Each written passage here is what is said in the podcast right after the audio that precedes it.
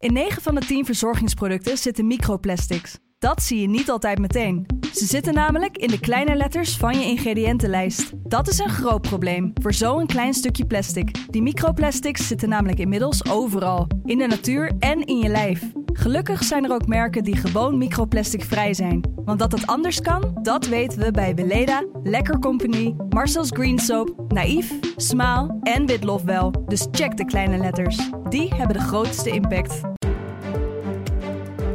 Dit is de politieke podcast van de Telegraaf. Rutte is natuurlijk de grootste acteur van, Ja, het, van allemaal van daar, het toneelspel. Dit is waar hij heer en meester in is. De fysieke afkeer voor Baudet. Alles in de openbaarheid. En dat zij denkt van, oh, weet je, ik heb het zelf ooit gewild. Afhameren met Wouter de Winter en Pim CD. Ja, politiek commentator Wouter de Winter. Daar zijn we weer terug van een kort reces, toch? Weer eventjes. Nou, kort. Jij was twee weken op vakantie. Na anderhalf.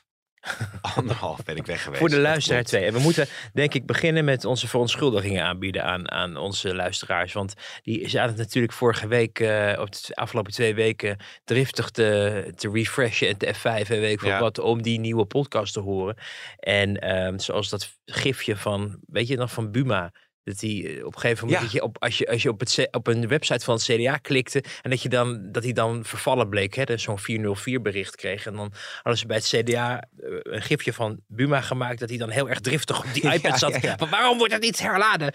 Nou, zo'n gevoel zullen mensen misschien ook hebben gehad. Ik heb het zelf wel eens als ik een podcast, eh, ik beluister niet veel, maar een enkele keer, of wel een vaste, vaste podcast. En dan, dan wordt er een week overgeslagen en dan zit je heel driftig te Hmm. denken, waarom is dat ding er niet? Wij gingen er eh, wel vanuit dat het reces was. En, eh, maar we gingen er ook een beetje, althans ik ging er een beetje vanuit dat er altijd wel wat gebeurt in een reces. Want ik was zelf niet echt voornemens om eh, het land te, te verlaten. En zeker niet nadat Schiphol eh, een soort Kinshasa bleek. heb ik maar besloten om gewoon in het land te blijven. Alleen ja, ehm, er gebeurde echt weinig tot niets in de Haagse Nee. politiek. Geen koningen die naar andere landen vlogen in vakanties terwijl het niet mocht en zo. Of, of kabinetscrisis of wat dan ook. En daardoor was er ook niet zoveel te bespreken. Dat is gelukkig nu wel weer het geval. Zeker. En daarom zijn we weer terug. Is het nog zo dat je eh, podcasttips met onze luisteraars wil delen? Of moeten ze dat vooral zelf eh, uitzoeken? Eh, nou, nou, iedereen moet in een vrij land het allemaal zelf weten. Maar ik ben eh, zelf altijd fan van de podcast van de Amerikaanse eh,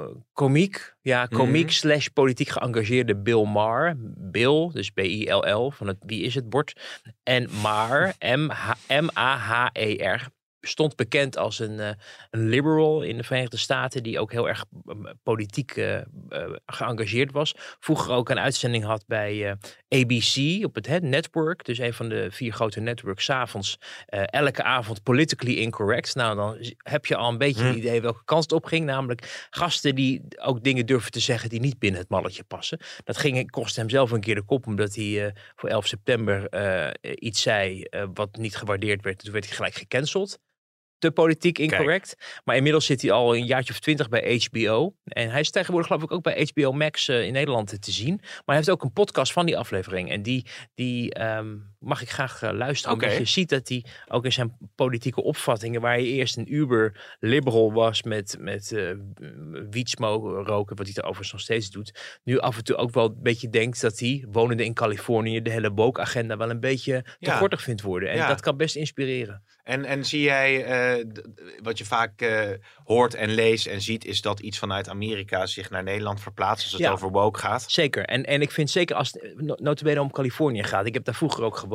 Cali zo so goes Ca- California, so goes the nation, zeggen ze dan. Hè? Dus Mhm. dat is meestal de proeftuin. Ook met allerlei eh, milieubewuste maatregelen. En eh, afvalscheidingen deden ze op het vliegveld van San Francisco al, al, al heel lang geleden. En je ziet dat daar nu een beetje een tegenbeweging ontstaat ook van het wordt te gek. Je mag tegenwoordig al niet meer naar een universiteit gaan als spreker als je een, een, een, een toespraak houdt die te veel afwijkt van wat men normaal acht. En terwijl juist een universiteit bijvoorbeeld bedoeld is om, om echt na te denken en om studenten ook uit te dagen met andere Mhm. opvattingen. En hij merkte zelf dat hij af en toe werd afgezegd gewoon, omdat men had bedacht, ja, hij is te extreem geworden. Terwijl Ja. hij onge- ongeveer de, een van de leiders was van de, van de, hè, de, de progressieve liberale agenda daar. Dus, en hij is zelf er nu ook een beetje van terug aan het komen. En je merkt nu ook dat in de Verenigde Staten natuurlijk ook op allerlei fronten er steeds meer verzet aan het ontstaan is. Omdat het mensen te, te gortig vinden worden en het te veel door de strot geduwd wordt. En dat zou me niks verbazen als we diezelfde beweging ook,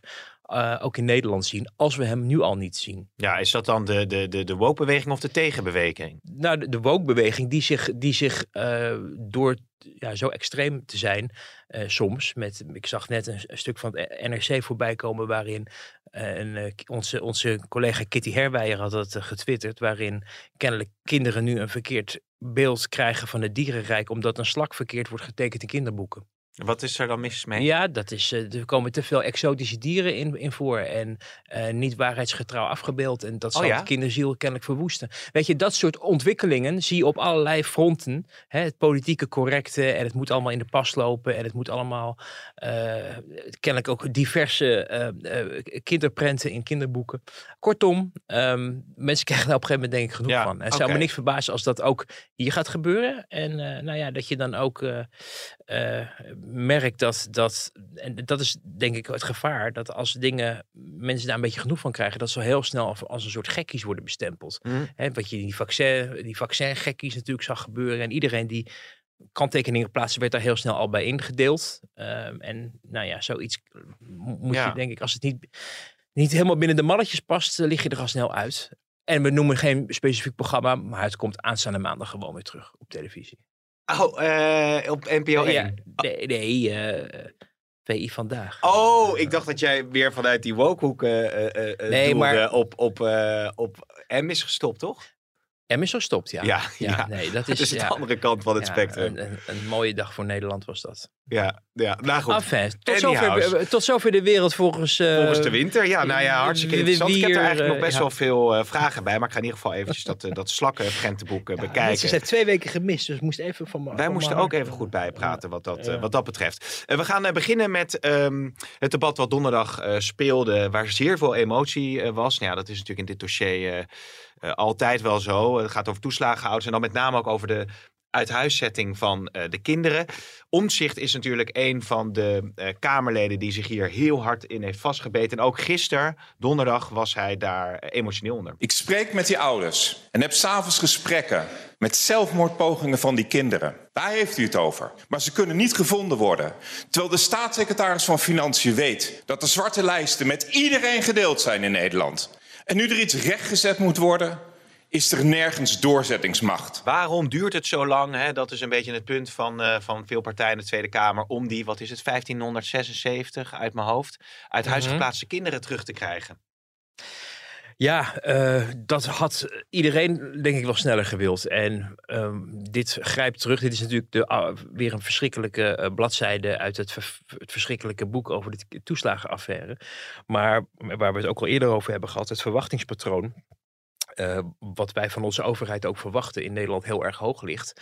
En dat is eigenlijk al aan diggelen geslagen natuurlijk dat dit überhaupt heeft plaatsgevonden. Maar ook dat het oplossen daarvan, eh, dat je datzelfde verwachtingspatroon daar ook over moet managen. En dat heeft Rutte gisteren ook herhaald, donderdag. eh, maar ook al eerder gezegd, namelijk dat het jaar gaat duren. Hmm. En dat het dus niet zo is dat eh met één druk op de knop je dingen die verkeerd zijn gegaan weer recht kan zetten. Ehm, wat de discussie ingewikkeld maakt, is dat er inderdaad eh, kinderen en ouders het slachtoffer geworden zijn van de, ja, de toeslagenaffaire of de bijeffecten daarvan. Hè? Op het moment dat mensen eh, geen geld meer hadden of eh, als fraudeur werden aangemerkt van de ellende van de regen in de drup terechtkwamen. En daardoor uiteindelijk ook niet meer goed voor hun kinderen konden zorgen. Of ze dat nou zelf vonden en vrijwillig eh, meewerkten aan de, aan de uithuisplaatsing of daarom vroegen. Of dat hen dat werd opgelegd door jeugdzorgmedewerkers, kinderrechters en dat soort zaken. Eh, maar het is ook niet zo dat al die getallen, eh, al die, het getal wat je net noemde, al die gevallen één op één te relateren zijn aan het gevolg van de toeslagenaffaire. Soms zijn dat ook combinaties van meerdere factoren, persoonlijke omstandigheden. En bovendien zijn die bestanden, dat gaat nu wel veranderen, heeft Rutte gezegd, maar waar de kennis zit van mensen die eh, eh, het slachtoffer zijn geworden van de toeslagenaffaire en mensen die hun kinderen uit huis geplaatst hebben zien worden, niet automatisch in het systeem met één druk op de knop te vinden zijn. Die, die bestanden zijn gescheiden van elkaar. Men wil dat nu aan elkaar koppelen. Heeft met privacy te maken, maar daardoor was het ook voor gemeenten die natuurlijk als het gaat om armoedebeleid eh, proberen de helpende hand te bieden, daar ook mee belast zijn, het heel ingewikkeld vonden om, om precies ook die, die twee dingen bij Hmm. elkaar te brengen. En dat gebeurde dan via omwegen wel. de privacywetgeving uh, omzeilend. Maar dat, was, dat was vreselijk. En natuurlijk zijn er Kamerleden, en zeker Omtzigt en ook de SP. Lilian Marijnis, de SP, heeft er ook echt chefzaggen van gemaakt. Omdat zij ja, zich dit lot van, van die ouders en die kinderen heel erg aantrekken. Renske Leijten zat volgens mij op de publieke tribune met, met die ouders. Hè? Precies, ja. En, en ik vroeg nog ook eventjes van, goh, je zou Renske Leijten er verwachten omdat Pieter Omtzigt er ook stond. Maar het was, was dan eigenlijk de portefeuille van Peter Quint, die dan mm. zich over de jeugdzorg uh, ontfermt. Alleen, zij vinden dit chefzag en zij vinden dat het, het kanon, de partijleider daar moet staan om dat aan te kaarten. Um, um, maar goed, dat, dat, zij zijn er heel erg mee begaan en er zijn ook hele schrijnende verhalen. Het is alleen dus niet van het een op het andere moment opgelost. En ten tweede is er ook nog een werkelijkheid die, en, en dat is eentje die Rutte gisteren wel durfde te benoemen, maar waar toch ook wel veel mensen ook wel weer een beetje bij wegliepen, hoewel iedereen het net ook wel weet, dat er ook gevallen tussen zitten, net als met de toeslagenaffaire, waarin nou ja, er ook nog een andere werkelijkheid mm. is dan de, de, de, de, eenvoudige, verdrietige werkelijkheid van het zielige verhaal. Maar het is laveren hè, voor Rutte, want, want kun je dat eigenlijk nog wel zeggen? Want het is natuurlijk ook overduidelijk dat er dingen eh, falikant fout zijn uh, gelopen met hele ernstige gevolgen. Dus het lijkt me heel lastig ook uh, voor het kabinet, voor Rutte, om, om, om daarin te bewegen. Ja, en maar het viel mij echt op dat hij dat gisteren wel heel erg duidelijk zei. Hij, hij, hij heeft natuurlijk eerst ook wel enige nederigheid betracht en te erkennen dat dit uh, mede het gevolg kan zijn van de toeslagenaffaire. Maar hij is ook wel echt uh, voor de mensen gaan staan die deze ingewikkelde beslissingen hebben hmm. genomen. Maar het is niet zo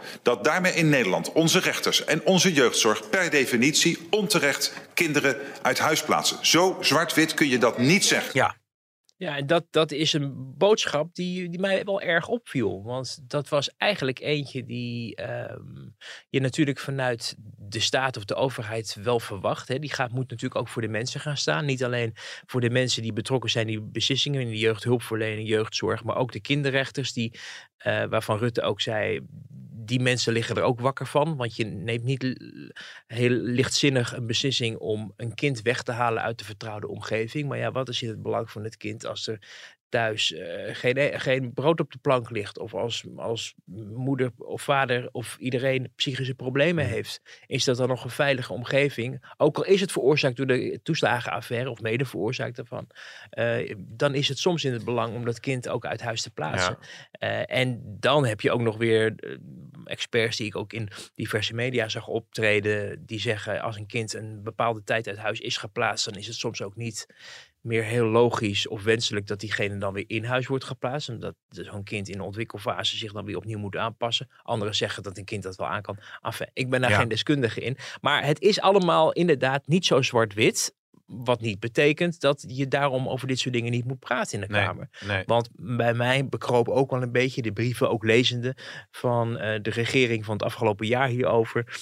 Dat um, als iets eenmaal in de ambtelijke molen zit, dat eh, je er wel als Kamer ook, zeker bij dit onderwerp, bovenop moet blijven zitten. Omdat het anders verzandt. Omdat er anders de discussie alweer over andere dingen gaat. En over een paar jaar hebben we het er niet meer over. Terwijl een heleboel ouders en kinderen nog steeds dan, of tot, tot op dat moment heel recent, de negatieve gevolgen hebben ervaren. In, in dit geval uh, lijkt het natuurlijk sterk op dat inderdaad uh, veel partijen, ja, Galicia Riepels is natuurlijk ook, ook heel scherp, maar met name ook de SP en omzichten zich uh, hier druk om zullen blijven maken de komende tijd. Maar het is in ieder geval een, een, een heel gevoelig, delicaat dossier. Uh, Rutte uh, weegt zijn woorden, de premier van ons land. Dan heb je aan de andere kant heb je de VVD. Die is aanwezig uh, bij, dat, bij dat debat. Ruud Verkuilen die houdt zijn medespeech en die geeft in eerste instantie uh, is er geen ruimte om, uh, om hem daarna vragen te stellen. Ik heb het toen gehad om naar uh, de heer Verkuilen te luisteren en hem ook te feliciteren met zijn medespeech. Maar ik constateer wel dat het vak van de VVD vol is, maar dat de publieke tribune, waar de ouders zaten die vandaag hier kwamen om op zoek waren naar een oplossing, die een oplossing van ons wilde horen, dat die tribune nu leeg is. Dus ik vraag me toch wel af of de heer Verkuilen nou echt denkt dat hij heeft bijgedragen aan het herstel van vertrouwen met dit optreden vandaag. Ja, Misschien even uitleggen voor mensen Ja. die niet weten wat is een maiden speech. Een maiden speech is de eerste toespraak die je mag houden in de Tweede Kamer op het moment dat je Kamerlid bent geworden. Sommige mensen hebben dat al in de eerste week, andere pas na Ja. acht maanden. Dat was geloof ik in dit geval het geval. Vaak hele mooie Eh, persoonlijke betogen waar, waar veel respect en waardering voor komt. Ja, en, en dat, dat, dat, het hoeft ook niet altijd heel erg te veel te gaan over het onderwerp wat toevallig Exact, op de agenda staat. We hebben die Haptamu de Hoop van de, de PvdA, een, eh, een jong eh, talentvol Kamerlid, eh, dat een heel persoonlijk verhaal vertelde over hoe hij, eh want hij is dan geboren in, in ik geloof Ethiopië, maar hou me te goede, eh, geadopteerd is en vervolgens ehm, eh, hier terecht is gekomen. En, en door liefdevolle ouders, adoptieouders, is, is grootgebracht. En Herenveen fan is, geloof ik. Of, Ja. of Leeuwarden. Nou goed, in ieder geval. Gewoon een heel mooi verhaal eigenlijk voor iemand die, die eh, door en door Fries is. Maar inderdaad op het eerste gezicht je dat niet zou verwachten als je een beetje kijkt naar hoe Nederland er bijvoorbeeld eh, enkele tientallen jaar geleden uitzag. Dus heel mooi persoonlijk verhaal, heel inspirerend ook, waar die ook heel veel lof voor kreeg, denk ik ook terecht. Eh, en zo'n verhaal is dus iedereen gegund die als eerste eh, Ja. het woord mag voeren. En dat was Ruud Verkuijden dus ook gegund. En ehm, dat werd wel een beetje ingewikkeld, omdat er natuurlijk nog steeds politiek bedreven wordt in Den Haag. En dat betekent dat de afgevaardigden van de grootste regeringspartij, die bovendien ook de vorige minister voor rechtsbescherming eh, leefde, leverde, eh, Sander Dekker, eh, en nu ehm, de premier en in de vorige periode natuurlijk ook de premier, dan wil je ook de VVD aanspreken, aanvallen, Mhm. bevragen op datgene wat er onder VVD-leiderschap niet goed is gegaan. Of misschien beter moet. En ja, de VVD die liet hem die eh, medespeech uitspreken. Het hele VVD-vak zat ongeveer vol. Inclusief de fractievoorzitter en de vice-fractievoorzitter. Die met elkaar, eh, elkaar een beetje aan zag kijken. En een beetje zag overleggen op het moment dat er rumoer ontstond in de Kamer. Ja. Van ja, wij willen de VVD wat vragen stellen. En dat wordt nu min of meer onmogelijk gemaakt. Officieel is het, het is ook geen officiële Nee. regel. Het is een ongeschreven regel. En Bergkamp kreeg veel kritiek dat zij degene was die dat ook maar in stand eh, hield.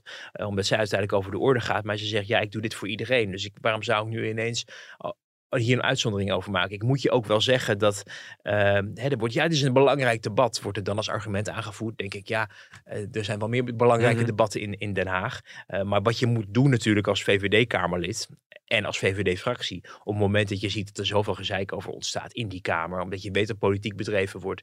Ja, dan moet je ook gewoon mee, meegeven. Dan Ja. moet je dus zeggen van ik snap, ik snap deze zorgen. Je bent natuurlijk niet Kamerlid om gewoon alleen maar redenvoeringen te horen. En geen antwoorden te geven of, of in debat te gaan. Dus wave dat recht eh, om, om alleen maar je verhaal te doen. En zeg natuurlijk mag u me eh, interrumperen. Of misschien nog beter voor iedereen. Ik hou mijn verhaal en daarna kunt u de vragen Ja. stellen die u wil. Ja.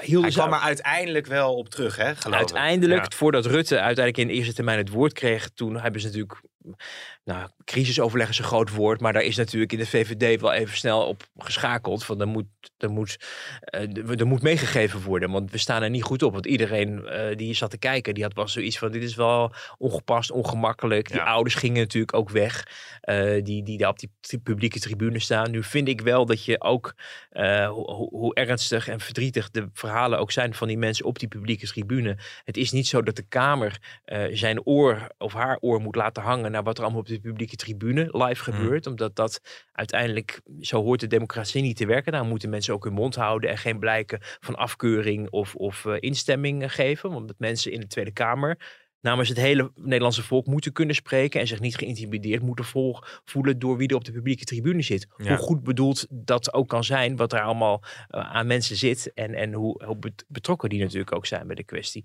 Eh, maar er werd niet op geschakeld, onervarenheid, maar ook wel dat je denkt dat heeft de VVD niet goed van tevoren ingeschat dat hier gezeik over zou komen. Hij kreeg uiteindelijk inderdaad het woord voordat Rutte het woord eh, kreeg en ging antwoorden namens het kabinet. En vervolgens werden hem vragen gesteld waarbij je afvraagt, had dat niet ook prima gekund Nee, ja. op het moment dat hij het woord had? Want zo ingewikkeld waren die vragen niet. En die antwoorden, die waren misschien niet voor iedereen bevredigend, maar daar werden geen uitgeleiders gemaakt. En eh, in de krant eh, stond natuurlijk onlangs ook nog een eh, verhaal over de rol van Sophie Hermans, die nu de fractie leidt. Die zat ook inderdaad in de Tweede Kamer. Je vertelde het in de plenaire zaal. En je voelde wel weer een beetje dat ongemak. Dat ik dacht van ja, weet je, dit is ook wel even een moment om even die regie te pakken. Want Marijnissen die vroeg nog notabene van ja, mevrouw Hermans, die zit hier in de Tweede Kamer.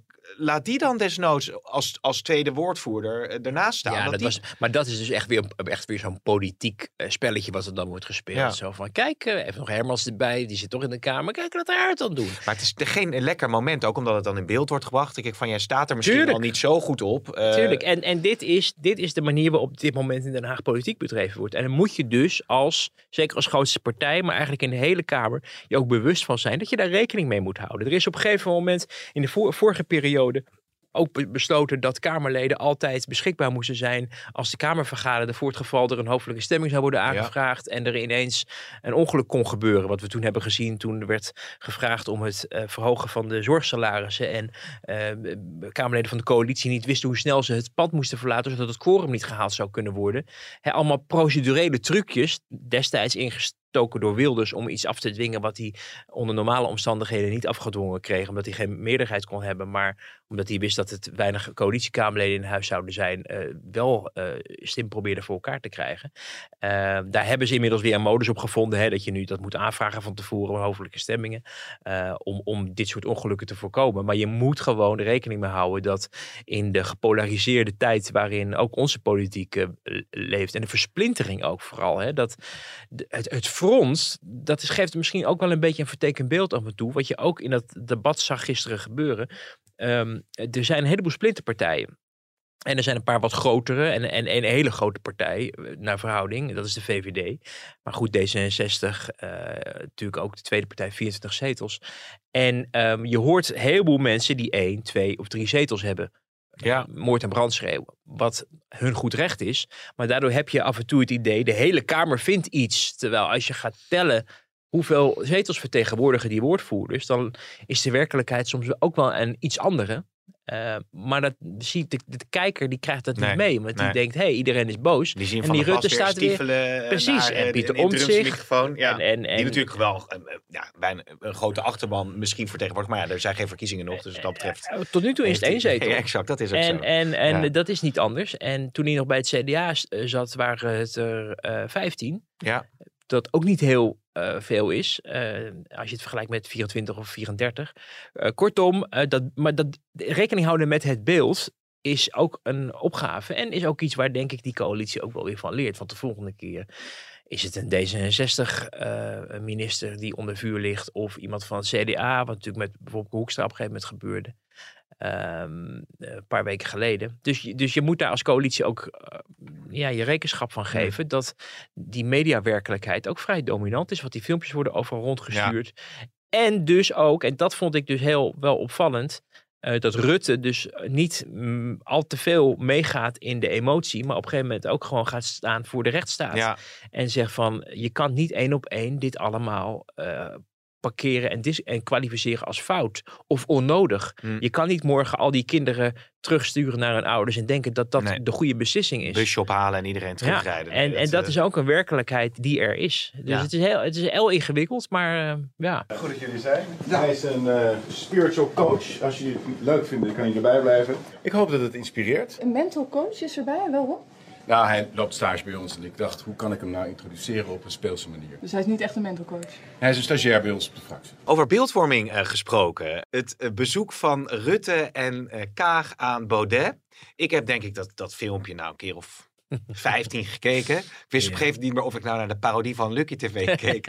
of naar het echte beeld. Die is wel goed, hè? Dan moeten we ja, de mensen die, die is, even op, die is op, wel, wel eh, steengoed. onbewuste kruisbestuiving richting Bo. Maar even Ja. naar de Twitter-account van Bo. En dan zie je het Lucky TV-filmpje wat, eh, wat gisteren na de uitzending werd vertoond over het bezoek van Mark Rutte en Sigrid Kaag aan de fractie van Forum voor Democratie. Ja, want uiteindelijk is het om eh, ja, voor de voorjaarsnota alle partijen te bezoeken en te kijken wat nou hun wensen al dan niet zijn. Uiteindelijk moeten ze natuurlijk eh, die meerderheid eh, krijgen voor de plannen in de Eerste Kamer. Ook op bezoek bij Baudet. Gideon van Meijeren eh, zat er ook bij. voor de fans. En, fans. en dus, eh, wat was het? Een, opgewacht. een, een mental coach of iets wat Baudet een beetje zo, eh, ja, een soort ja, van... die, ja, die, ja. Was een stagiair bleek dat dan uiteindelijk te zijn. Ja, Rutte vond wat het naar mijn beeld wel schitterend. Mm. En Kaag, of die deed of die het schitterend vond. En Kaag, die, die, die vond het moeilijk om zich een houding te geven. Kijk, Rutte is natuurlijk de grootste acteur van, Ja, het, van allemaal van, daar, het toneelspel. Weet je, die weet gewoon, ik moet dit doen. Ik ga als een, als een, als een, als een bedelaar ga ik al die fractie af en fijn ik dat ieder verhaal ons even belangrijk eh, oh, eh, leuk, is. kamer ziet er anders ja, uit hier. En, oh, en met, maar hij doet dat. En dan kan je zeggen, Rutte doet allemaal dingen verkeerd. En dat is ongetwijfeld waar. Maar dit is waar hij heer en meester in is. Oké, nou, hoe wil je ons hebben? Want, Ga eh, zitten. Ja, eh, maar hier pak allebei een bank. heel erg krap. Dan pak ik Pak deze allebei dan. een bank. Ja, jullie iets drinken of zo? Eh, Water? nee, maar dankjewel. Nee, wat ze... Dit is het geheim van zijn premierschap. De verhoudingen achter de schermen. Mensen het gevoel geven dat ze bijzonder zijn. Wie het ook zijn. Of het nou politici zijn. Of mensen die hem op straat aanspreken. Of collega's. Of journalisten. Of partijgenoten. Rutte geeft iedereen het gevoel dat hij bijzonder is. En dat doet hij ook in zo'n ronde. Dan is hij dan met een brede glimlach. En dan zegt hij: We komen luisteren. En wat zijn jullie wensen? En dan weet hij in zijn achterhoofd al lang dat hij Ja. dat het met Sylvana het heel gezellig is om even bij te beppen. En dat Sylvana het ook heel interessant vindt dat ze bezoek krijgt van de top van het kabinet. Zodat ze dan één op één kan zeggen wat haar agenda. Mhm. eh, en dan hoopt ze, denk ik ook, dat die serieus wordt genomen. Ik zou ook niet helemaal uitsluiten dat wat zij zegt ook nooit aankomt bij het kabinet. Ik denk Nee. dat. dat eh, ze, ze zich toch eh, manifesteert als een Kamerlid waar je het niet per se mee eens hoeft te zijn. Maar waarvan je wel denkt dat, dat als het gaat om debattechnieken eh, er staan voor je kiezers, zij zich wel positief onderscheidt van Ja. een heleboel van haar collega's. En eh, nou, die agenda krijgt, kan zij dus even in drie kwartier vertellen. Dat is voor het kabinet natuurlijk totaal niet relevant voor de voorjaarsnota, want daar hebben ze zes zetels voor nodig in de Eerste Kamer. En die ene zetel die ze in de Tweede Kamer dankzij Sylvana krijgen, is aardig meegenomen, omdat ze dan voor de bühne kunnen zeggen van eh, eh, we hebben breed draagvlak. Nou, ik moet nog zien of ze überhaupt uiteindelijk overal mee akkoord zal gaan. Eh, misschien ook helemaal niet. Maar eh, het gaat natuurlijk om eh, de, de, de, die drie partijen, GroenLinks, PvdA en, eh, en Ja21, die wel, of de fractie Nanninga heet dat officieel in de Eerste Kamer, die het kabinet wel aan de meerderheid kunnen helpen. En dan zo'n visite aan Vorm voor Democratie. Ja, de- Baudet weet natuurlijk ook wel dat dat helemaal voor hem, dat hij niet daaraan Nee. meegaat. En dat zijn kiezers dat niet willen. En, maar hij weet wel hoe gênant het is met name natuurlijk voor Sigrid Kaag, om daar langs te moeten komen. Terwijl zij echt spuugt op die partij natuurlijk. En, en haar D66 spuugt op Vorm voor Democratie. Maar je, de fysieke afkeer voor Ja. die partij, voor Baudet, het feit dat die camera's erbij staan, alles in de openbaarheid. En dat zij denkt van, oh... Weet je, ik heb het zelf ooit gewild, deze nieuwe, eh, dit nieuwe leiderschap en dit dualisme. Hoewel, wat is het eigenlijk aan dualisme als je achter de schermen iedereen gaat inventariseren over wat hij wil. Maar stel je eens voor dat Mark Rutte er niet bij was geweest. Ja. Ja, als Kaag de premier was eh, geweest. Of Zo als, als, als het kabinet had besloten, de ja. minister van Financiën Ja. is vrouw genoeg om, om de voorjaarsnota zelf te regelen. Daar heeft ze de hulp van de minister-president Mhm. niet bij nodig. Laat haar zelf, zoals Jan Kees Jager dat destijds deed na de val van Rutte 1, eh, als oliemannetje door de Kamer eh, Ja. Schuivend. interessant eh, hoe je dit schetst. en ja. hier, hier zit ineens Rutte moet erbij, omdat iedereen ook wel weet dat het anders helemaal een drama wordt. En je merkt ook, ik sprak eh, met een van de mensen met wie eh, het kabinet eh, dus die ontmoeting had. En die zei ook van ja, je merkt gewoon aan haar dat ze eigenlijk heel weinig met die Kamer heeft. Je merkt gewoon de bepaalde vorm van ongeïnteresseerdheid of neerbuigendheid eh, richting het eh, politieke handwerk. Wat eerder trouwens al eens door Rutte in het vorige kabinet is geconstateerd. Maar die, die fractievoorzitter die vertelde mij van ja, je, je merkte gewoon dat zij dit, Nee. dit vindt zij niet leuk. Dit doet ze omdat het erbij hoort. Dat is op zich, hoeft waarom, je waarom ook niet je alles leuk te vinden. Waarom moet je eigenlijk langs Forum? Je kunt toch ook gewoon zeggen, we willen die, die steun van GroenLinks, P van de A en Ja 21. en de omdat rest dan- laten we lekker zitten. Ja, omdat dan natuurlijk de boot aan is. Want hè, wat nou nieuwe bestuurscultuur? Want je gaat alleen maar bij je mogelijk. eh, je luistert niet naar de geluiden Ja, van de ja. oppositie. Die zij zelf, en dat, daar zie je dit bites you in the ass. Als jij zo hoog opgeeft eh, voor de verkiezingen dat het allemaal anders moet. En dat jij ook die oppositie een kans wil geven. Dan in de praktijk blijft gewoon weer barstig. Ja. Want er wordt gewoon politiek bedreven. En juist die confrontatie met Vorm voor Democratie. Ja, ik vond het buitengewoon pijnlijk, ongemakkelijk. En het zou mij ook niets verbazen als dit ook de, de eerste en de laatste keer is geweest dat dit zo gaat. Bovendien komen natuurlijk nieuwe eh, verkiezingen voor de provinciale staten aan, eh, waar ook de Eerste Kamer uit voorkomt. Ja. En wellicht zijn de verhoudingen dan heel anders. Dat, dat misschien de coalitie een meerderheid krijgt. Of dat ineens. eh, of, ja, dat er een situatie ontstaat waarbij je dit eigenlijk al niet meer hoeft te doen. Nee. nee, ik zat nog even te kijken eh, op mijn laptop. Want eh, Baudet had volgens mij ook nog zoiets getweet van... nou, ik heb een heel goed gesprek gehad. Eh, alle coronamaatregelen die zijn van tafel. Rusland en Oekraïne gaan met elkaar dit en dit bespreken. Dus hij, dreef er ook de spot mee. Dus, Ja. dus dat kan misschien ook wel... De, de, de, dat het zal elkaar voelen waarschijnlijk. Van ja, ik, ik kan hier geen serieus gesprek mee voeren over de plannen die ik misschien wel door. Nou, ik vond een, voor, voor Baudet doen een eh, opvallend inhoudelijke tweet. Eh, omdat er eigenlijk met een, ja, met een eh, sarcasme eh, dosis wel Ja. duidelijk werd gemaakt wat hij belangrijk vindt. ja, nee, Want dat is We waar. toch heel vaak alleen maar dingen horen over partijkartellen en andere luchtkastelen Klopt. die er worden gedroomd Klopt. daar. Gasboringen in Groningen zullen worden hervat. Hè. Zet hij ook Precies, in die, in die het is tweet. Dus wel- dat is wel dat- inderdaad waar die partij echt voor staat. Ja, die Freek. Jansen heeft het ook echt uitgesproken in de Kamer. Dus, Ja, dus dat klopt. is wel duidelijk. Maar goed, iedereen weet dat dit uiteindelijk n- niets, eh, niets ging opleveren. En we krijgen, denk ik, een vergelijkbare tafereel als eh, volgende week ze bij eh, Geert Wilders langskomen. Ja, moeten Want, ze eerst door die, door die beveiligde... Ja, ja, dus ik ben benieuwd of, in hoeverre we er eh, eh, eh, camera's bij zien. Omdat je dus inderdaad door beveiligingscordonnen heen moet. Ja. Dan, maar goed. ehm, maar dat wordt natuurlijk ook eentje van, nou ja, kijk, Wilders heeft zoiets van als iemand met mij koffie wil drinken op de koffie komt, ga ik dat niet weigeren. Maar die wil gewoon het kabinet aftreden. Dus Ja. het zou heel raar zijn als hij ineens zegt, hij heeft bovendien ook niet genoeg zetels hè, in de Eerste Kamer. We hebben er vijf, ze hebben er zes nodig. Ehm, daarom zie je dat de focus inderdaad op eh Ja 21 en eh, de twee linkse partijen Mm. ligt. En Mm. misschien nog wel aardig om daar ook over te vertellen. Dat, dat eh, die, die reageerden natuurlijk na afloop van het gesprek ook. In ieder geval die linkse partijen ook heel afhoudend van. Ik ben zwaar teleurgesteld. Ook dat is onderdeel van het politieke spel natuurlijk. Eh, wat verwacht je dan? Hè? Dat je alvast nadat je in het Buitenhof van kom, of in BNL op zondag als Adje Kuik een communiqué hebt afgegeven van ik wil dat het minimumloon naar 14 euro gaat en ik wil de huren en ik Ja. wil dit en ik wil dat. Dat dan met een doorgerekend plan eh, wanneer was het, dinsdag of woensdag, eh, de, de, de, het kabinet er langskomt om te zeggen, oké, we hebben het even uitgerekend Ja. wat u bij WNL had gezegd en hier is ons voorstel. Eh, dus je weet ook wel dat dat gesprek ook nooit onmiddellijk tot knopen doorhakken had kunnen leiden.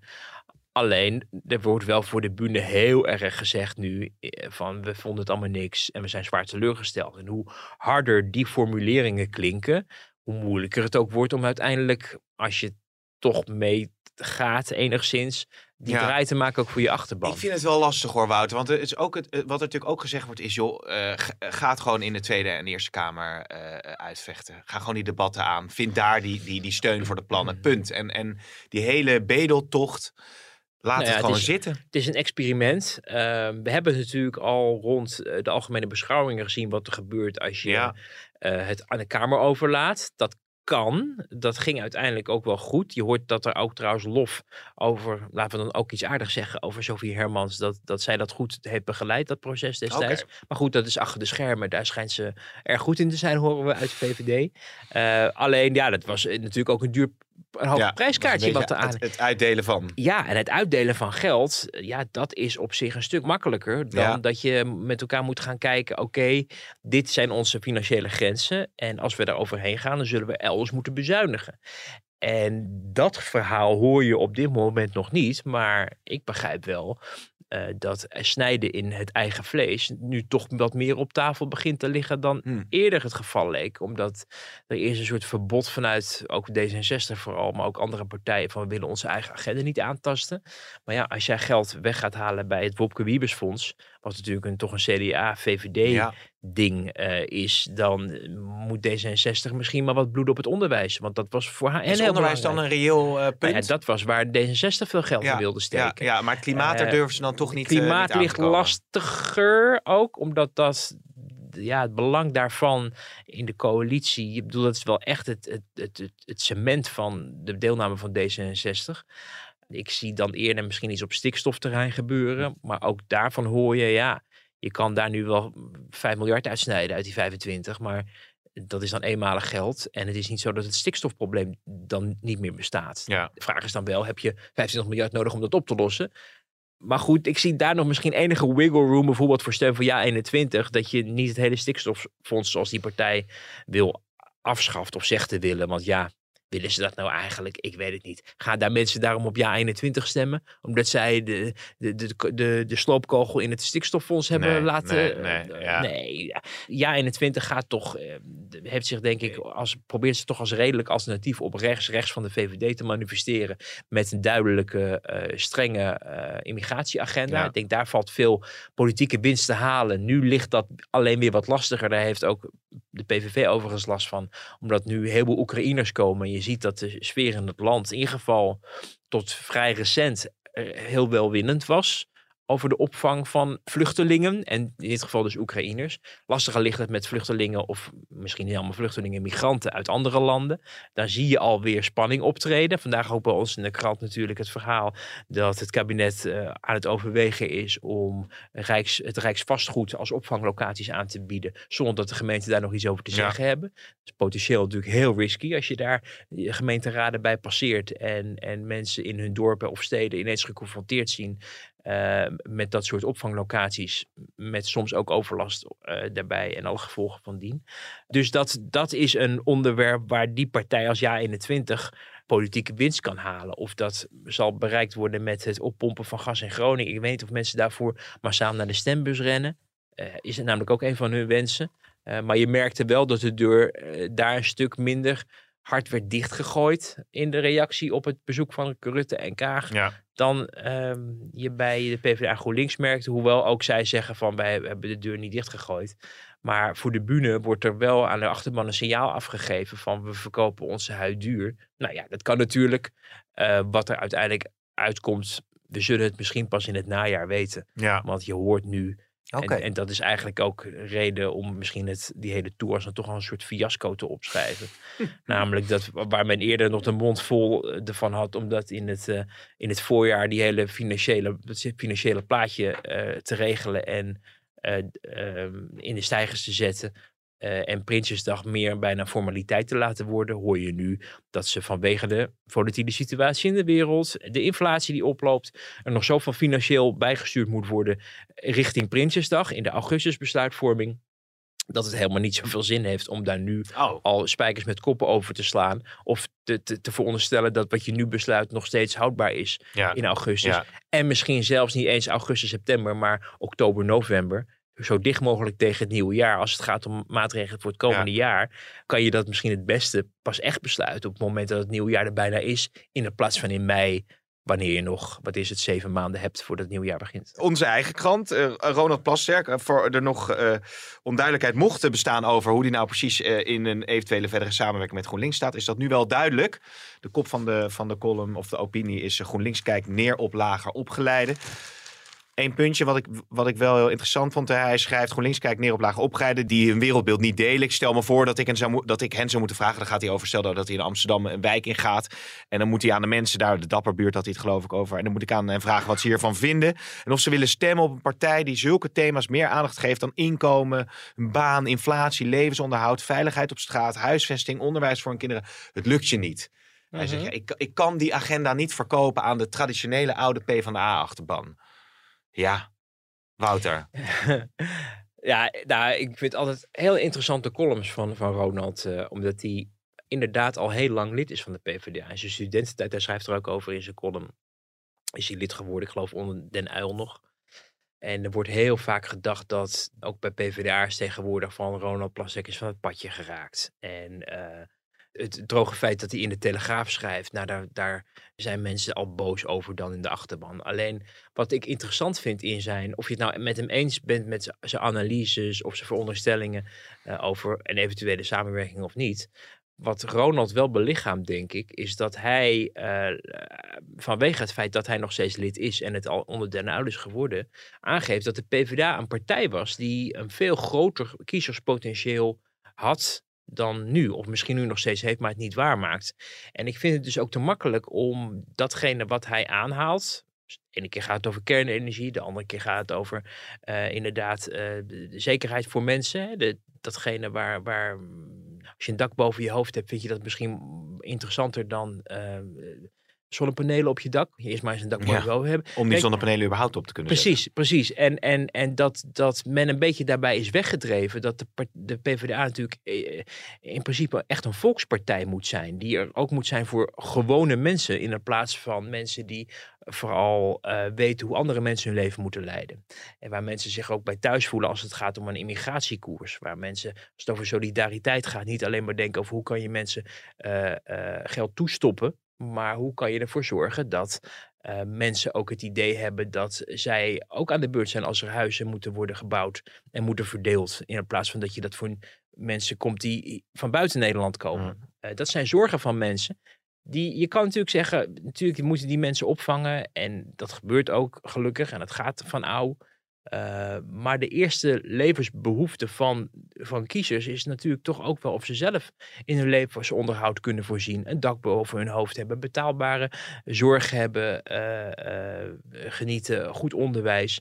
En dan kan je heel erg wegdrijven in, in, in ja, prachtige vergezichten die GroenLinks dan over de wereld schetst.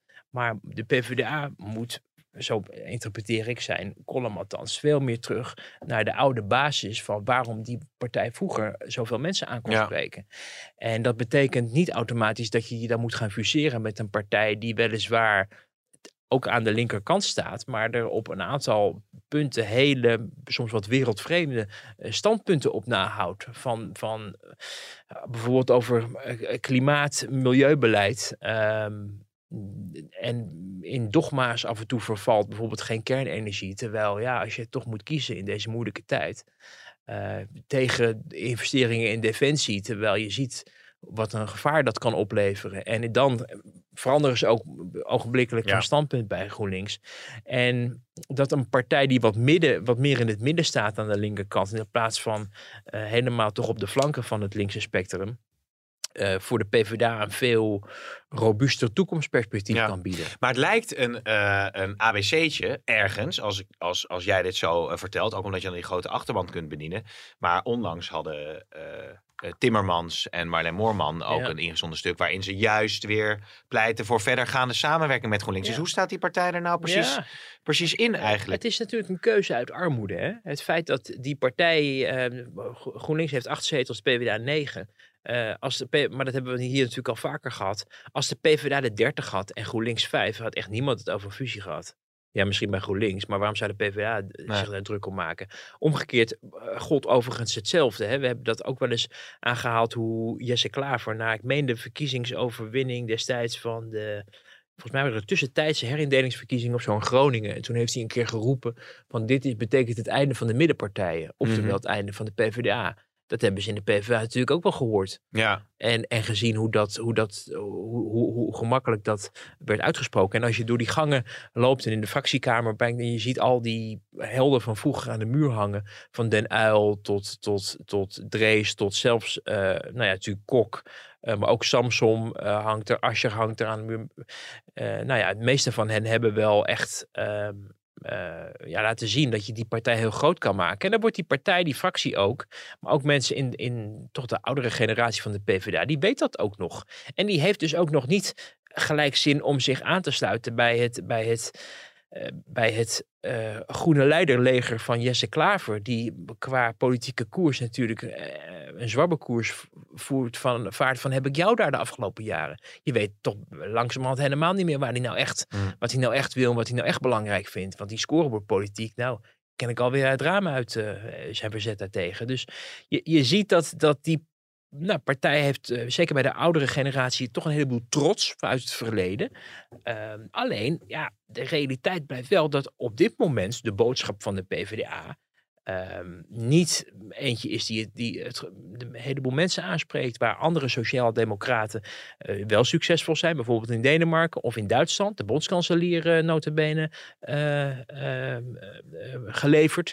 En je, en je ziet ook elke keer dat er heel graag wordt, wordt vergeleken met... ja, met Duitsland lukt het wel. En ik denk, ja, maar we zijn niet in Duitsland, we zijn in Nederland, Hans Ja. Spekman. Daar had ik toen dat gesprek over bij, Ja. bij, bij eh, Jinek. En dat, was wel, ja, dat is wel een probleem voor die partij. Dat ze uh, zowel ook in het leiderschap, maar ook in de koers zelf, gewoon niet aansluiten bij, denk Nee. ik, het, het kiezerspotentieel van de gewone Nederlander. Die zich meer vertegenwoordigd voelt voor, door geen experimenten. Dus we gaan maar voor de VVD. Of meer de radicale eh, kant opzoekt om zich te melden bij bijvoorbeeld de PVV.